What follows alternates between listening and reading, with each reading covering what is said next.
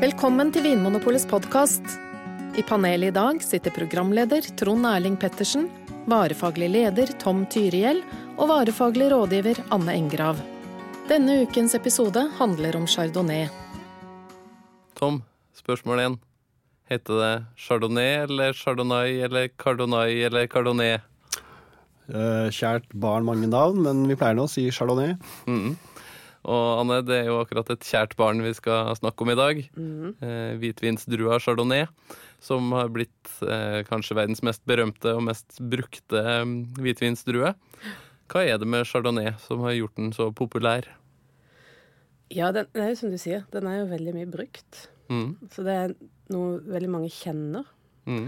Eh, og jeg tenker det er todelt. Det ene er liksom litt i hva drua er og kan være i en vinmark. Og så er det det at det er noen av de mest kjente vindistriktene, hvitvinsdistriktene, Mm. som er kjent, som bruker akkurat den druen. da. Ja, så det er en stil eller en type vin som veldig mange har lyst til å kopiere og etterape rundt omkring i verden.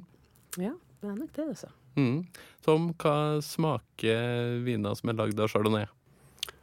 Eh, svært lite, er det fristende å si. Å ja, men hvorfor har vinene blitt så populære da? Ja, nei, det er kanskje I forhold til eh, andre druer, sånn som Riesling og Sauvignon Blanc, så sier man at eh, chardonnay er en sånn ikke-aromatisk drue. Den gir ikke så mye aroma i seg selv. Derfor de er litt mer dempa, det er litt vanskeligere å få tak i de. Og derfor så gjør man litt andre ting. Man legger på litt sånn mer sånn eikepreg og har det som heter berme, hvor man lar motsen og vinen ligge sammen med gjærrestene. Så får du mer sånn smør og nøtter og røyk, og da får du t- ting som både mer smak og smak som mange kan like. Ja, For det her var vel ei drue, Anne, som på et tidspunkt ble så populær og så berømt og så mye brukt rundt i verden at det, det ble skapt en liten sånn motbevegelse. ja, det var jo en av de som jeg snakker om eh, druen som er blitt brukt for å etterligne på en måte andre altså burgundstil, f.eks. i USA. Mm. Så var det veldig vanlig å dyrke Eller fremdeles er det en av de druene som dyrkes mye der. Mm.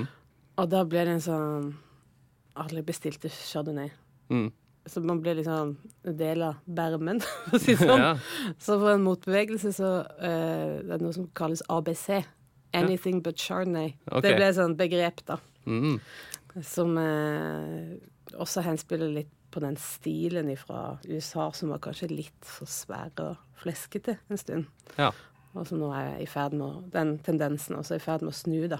Ja. Så Chardonnay er i ferd med å bli trendy igjen. Ja, og det er jo bra, for det lages mye chardonnay rundt omkring i verden. Og nå skal vi ta en kikk på de forskjellige områdene eh, i Frankrike og eh, andre deler av verden der chardonnay brukes mye. Tom, la oss eh, begynne eh, på det stedet der eh, chardonnay kanskje er mest kjent, nemlig i Frankrike. Ehm, og i området Burgund. Og i Burgund så er det jo et område som heter Chablis, som er veldig kjent for mange. Og der er det òg chardonnay som brukes.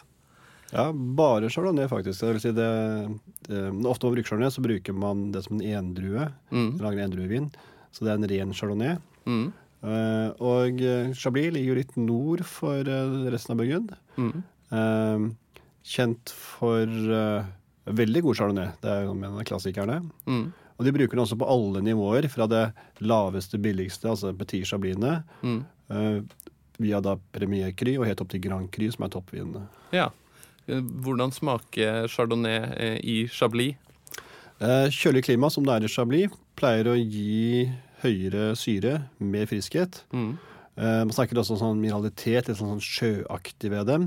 Ja. Eh, I motsetning til i varmere områder, hvor du får mer av sånn fersken og aprikos og ananas, Mm. så er dette mer eple, sitrus, litt sånn sjøaktig.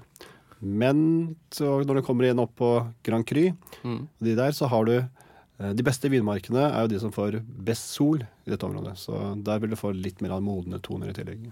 Er det noe spesielt med jorda i Chablis som gjør at det blir litt sånn ekstra sånn sjøaktige og mineralske viner her? Ja, det er jo en debatt det der i vinmiljøet. ikke sant? Hvor hva er dette mineraliteten, hvor kommer den ifra? Mm. Men det er jo gamle fossiler her fra juratiden. Mm. Eh, og det er et, eh, noe som heter Cambridge-kalk, Ja. som eh, strekker seg helt bort til Cambridge-området i England. Mm. Og den kalken med de sjøfossilene, sier man nesten at man kan smake vinen. Da, ikke sant? Det er ikke direkte overføring der, men det er liksom, det jordsmonnet gir i hvert fall høyere syre og gir noe sånn veldig crispy i vinen. Ja.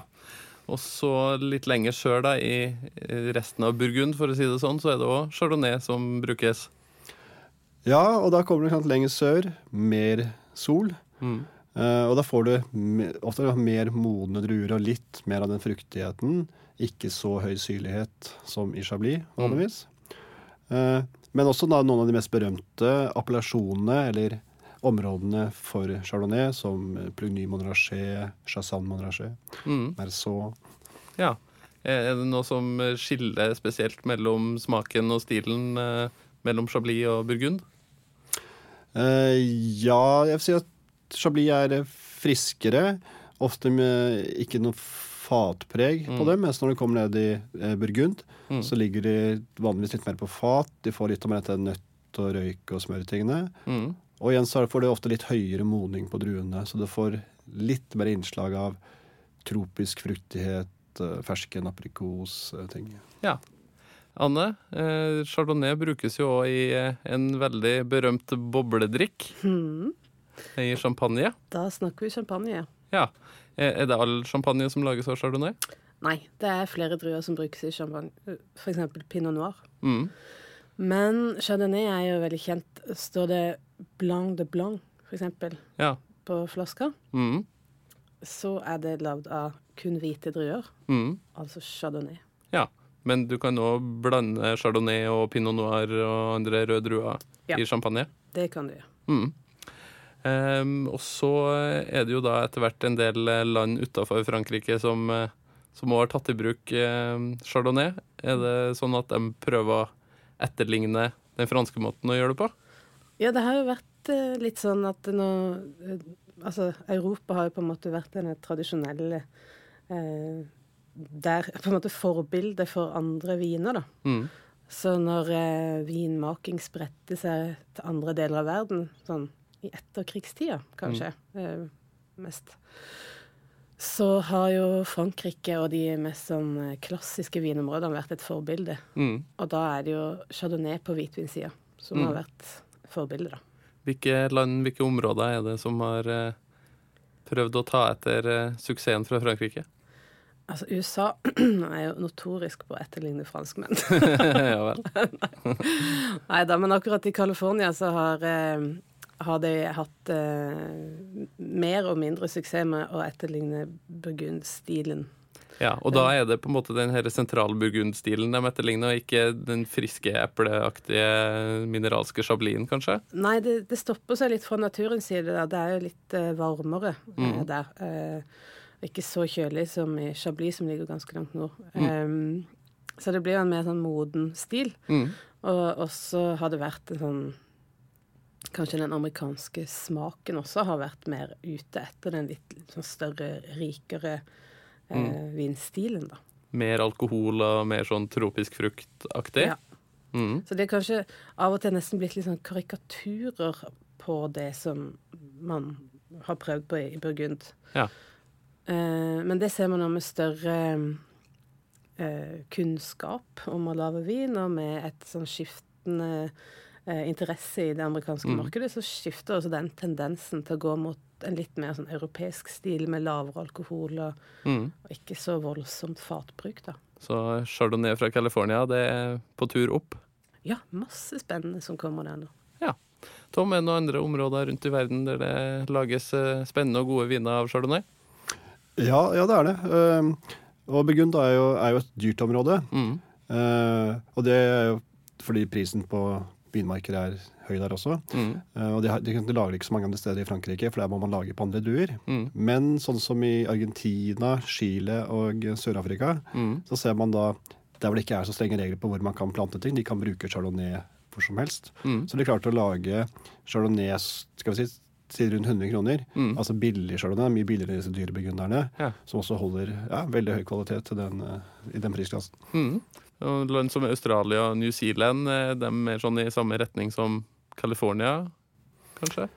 Ja, eller eh, Australia la- lager nok begge deler. De lager også gode, rimelige chardonnayer. Mm. eh, men også aspirerer mot å lage s- den burgundstilen eller California-stilen som Anne snakket om. Mm.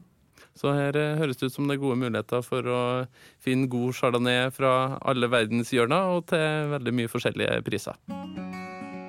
Den 24. mai 1976 forsto en hel vinverden for første gang at det kan lages virkelig god vin av chardonnay også utenfor Burgund og Frankrike. En britisk vinhandler som utelukkende solgte fransk vin, arrangerte nemlig en blindsmaking for å bevise at hvitviner fra Burgund fremdeles var overlegne nykommerne fra California. Dommerne var franske, smakingen ble holdt i Paris, alt var lagt opp til at de franske vinene skulle vinne. Men så skjedde naturligvis det som måtte skje. En av de amerikanske chardonnay-vinene vant. Og ikke bare det, tre av de fire første vinene på lista var fra California. Magasinet Time var til stede og slo nyheten stort opp. Et par år senere ble eksperimentet gjentatt, denne gangen i California. Og nok en gang var de amerikanske vinene overlegne. Hollywood lar ikke en slik historie gå fra seg, og i 2008 kom filmen 'Bottleshock' med Alan Rickman i hovedrollen. På norsk heter filmen passende nok 'Vin i vrangstrupen'.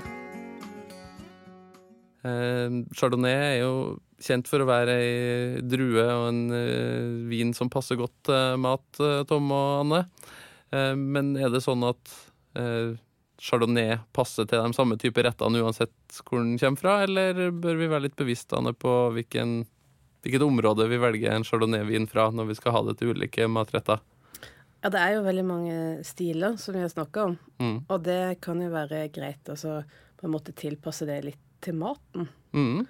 Så for eksempel en champagne vil jo være eh, et annet bruksområde kanskje enn en litt sånn rikere Mm. australsk chardonnay. Ja. Tom, eh, en chablis for eksempel, hva slags type retter passer det best til? Ja, da har du en friskere, lettere eh, chardonnay Mm. uten fatpreg. Og det tenker jeg også er veldig bra til sånn ren sjømat, sånn som alt fra østers, kamskjell og Mm. ting hvor du ikke har så mye sånn smørsauser og den type ting. Så Litt sånn naturell eh, fisk og skalldyr, på en måte. fisk, sjømat, naturell, ja. Mm. Hva med resten av Burgund, da? Eh, Det her smør- og nøttepreget du, du snakker om, det betyr det at eh, vi skal mer i smørsausland, da, kanskje? Ja, jeg tenker det. altså Har du sånn Sandefjordsmør eller andre typer smør og fløtesauser, Mm. så kommer nok de bedre til sin rett. Mm. Eh, Men også bra til kjøtt, faktisk. Når du får disse litt rikere chardonnayene, så kan du godt prøve det til kalv og kylling og type ting også. Mm. Mm. Anne, har du noe topptips når det gjelder en kombinasjon med chardonnay og mat?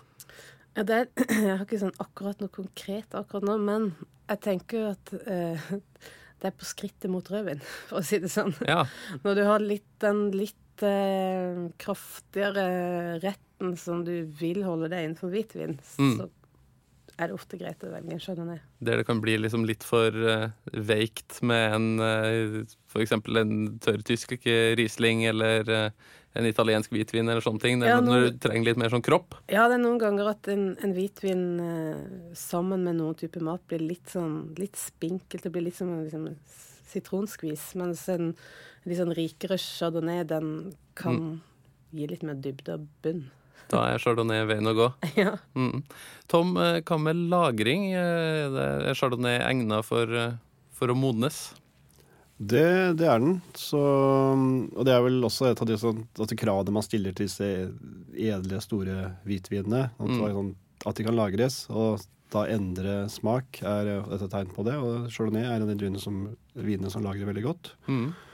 Eh, og da skal vi si, blir de mer komplekse. Du får eh, eh, litt mer sånn nøtt og krydder og sånn, litt sånn sjampinjongtoner i det. Ja, det hørtes godt ut. Helt til slutt, eh, Tom og Anne, så tenkte jeg at dere som vanlig skal få lov til å gi eh, et konkret tips eh, hver. Og Tom, du har plukka fram en, et litt ukjent område for mange, kanskje, der det å dyrkes chardonnay. Ja, Jura, eller Jura, et område i Frankrike som ligger like ved siden av Burgund. De Ja. lager veldig samme stil. Og jeg er veldig glad i vin fra Burgund, men noen ganger så blir jo det, eller kan fort bli litt dyrt. Ja. Og som et sånt eh, alternativ, også med et, eh, skal jeg si, noe lavere priser, så syns jeg du finner mange gode kjøp fra Jura. Mm. Og Anne, du eh, har et enda mer praktisk tips. ja. Jo, jeg tenker jo det at eh, chardonnay er jo kanskje den drua som gir viner som s- der både vinmakeren og stedet kan sette avtrykket sitt på. da. Ja. Så hva med å prøve, hvis du kjøper f.eks. en Chablis og en eh, si californisk chardonnay, da, Mm. og prøver det ved siden av hverandre, så, så ser du liksom litt hvor forskjellig det kan bli.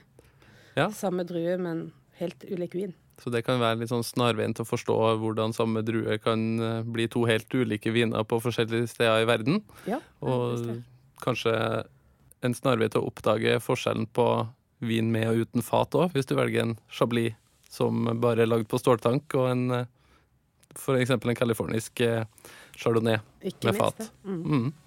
Og så kan vi jo legge til at eh, hvis du syns det blir litt dyrt å kjøpe eh, to viner og sitte og smake på sjøl, så kan du jo gå sammen med en venn eller to eller tre eller fire og lage en liten vinklubb. Så blir det desto morsommere å lære sammen om vin. Takk for at du hører på Vinmonopolets podkast. Har du forslag til et tema i podkasten? Send mail til podkast at vinmonopolet.no. I tillegg svarer kundesenteret deg på e-post, chat og telefon. Ring 04560 eller besøk vinmonopolet.no.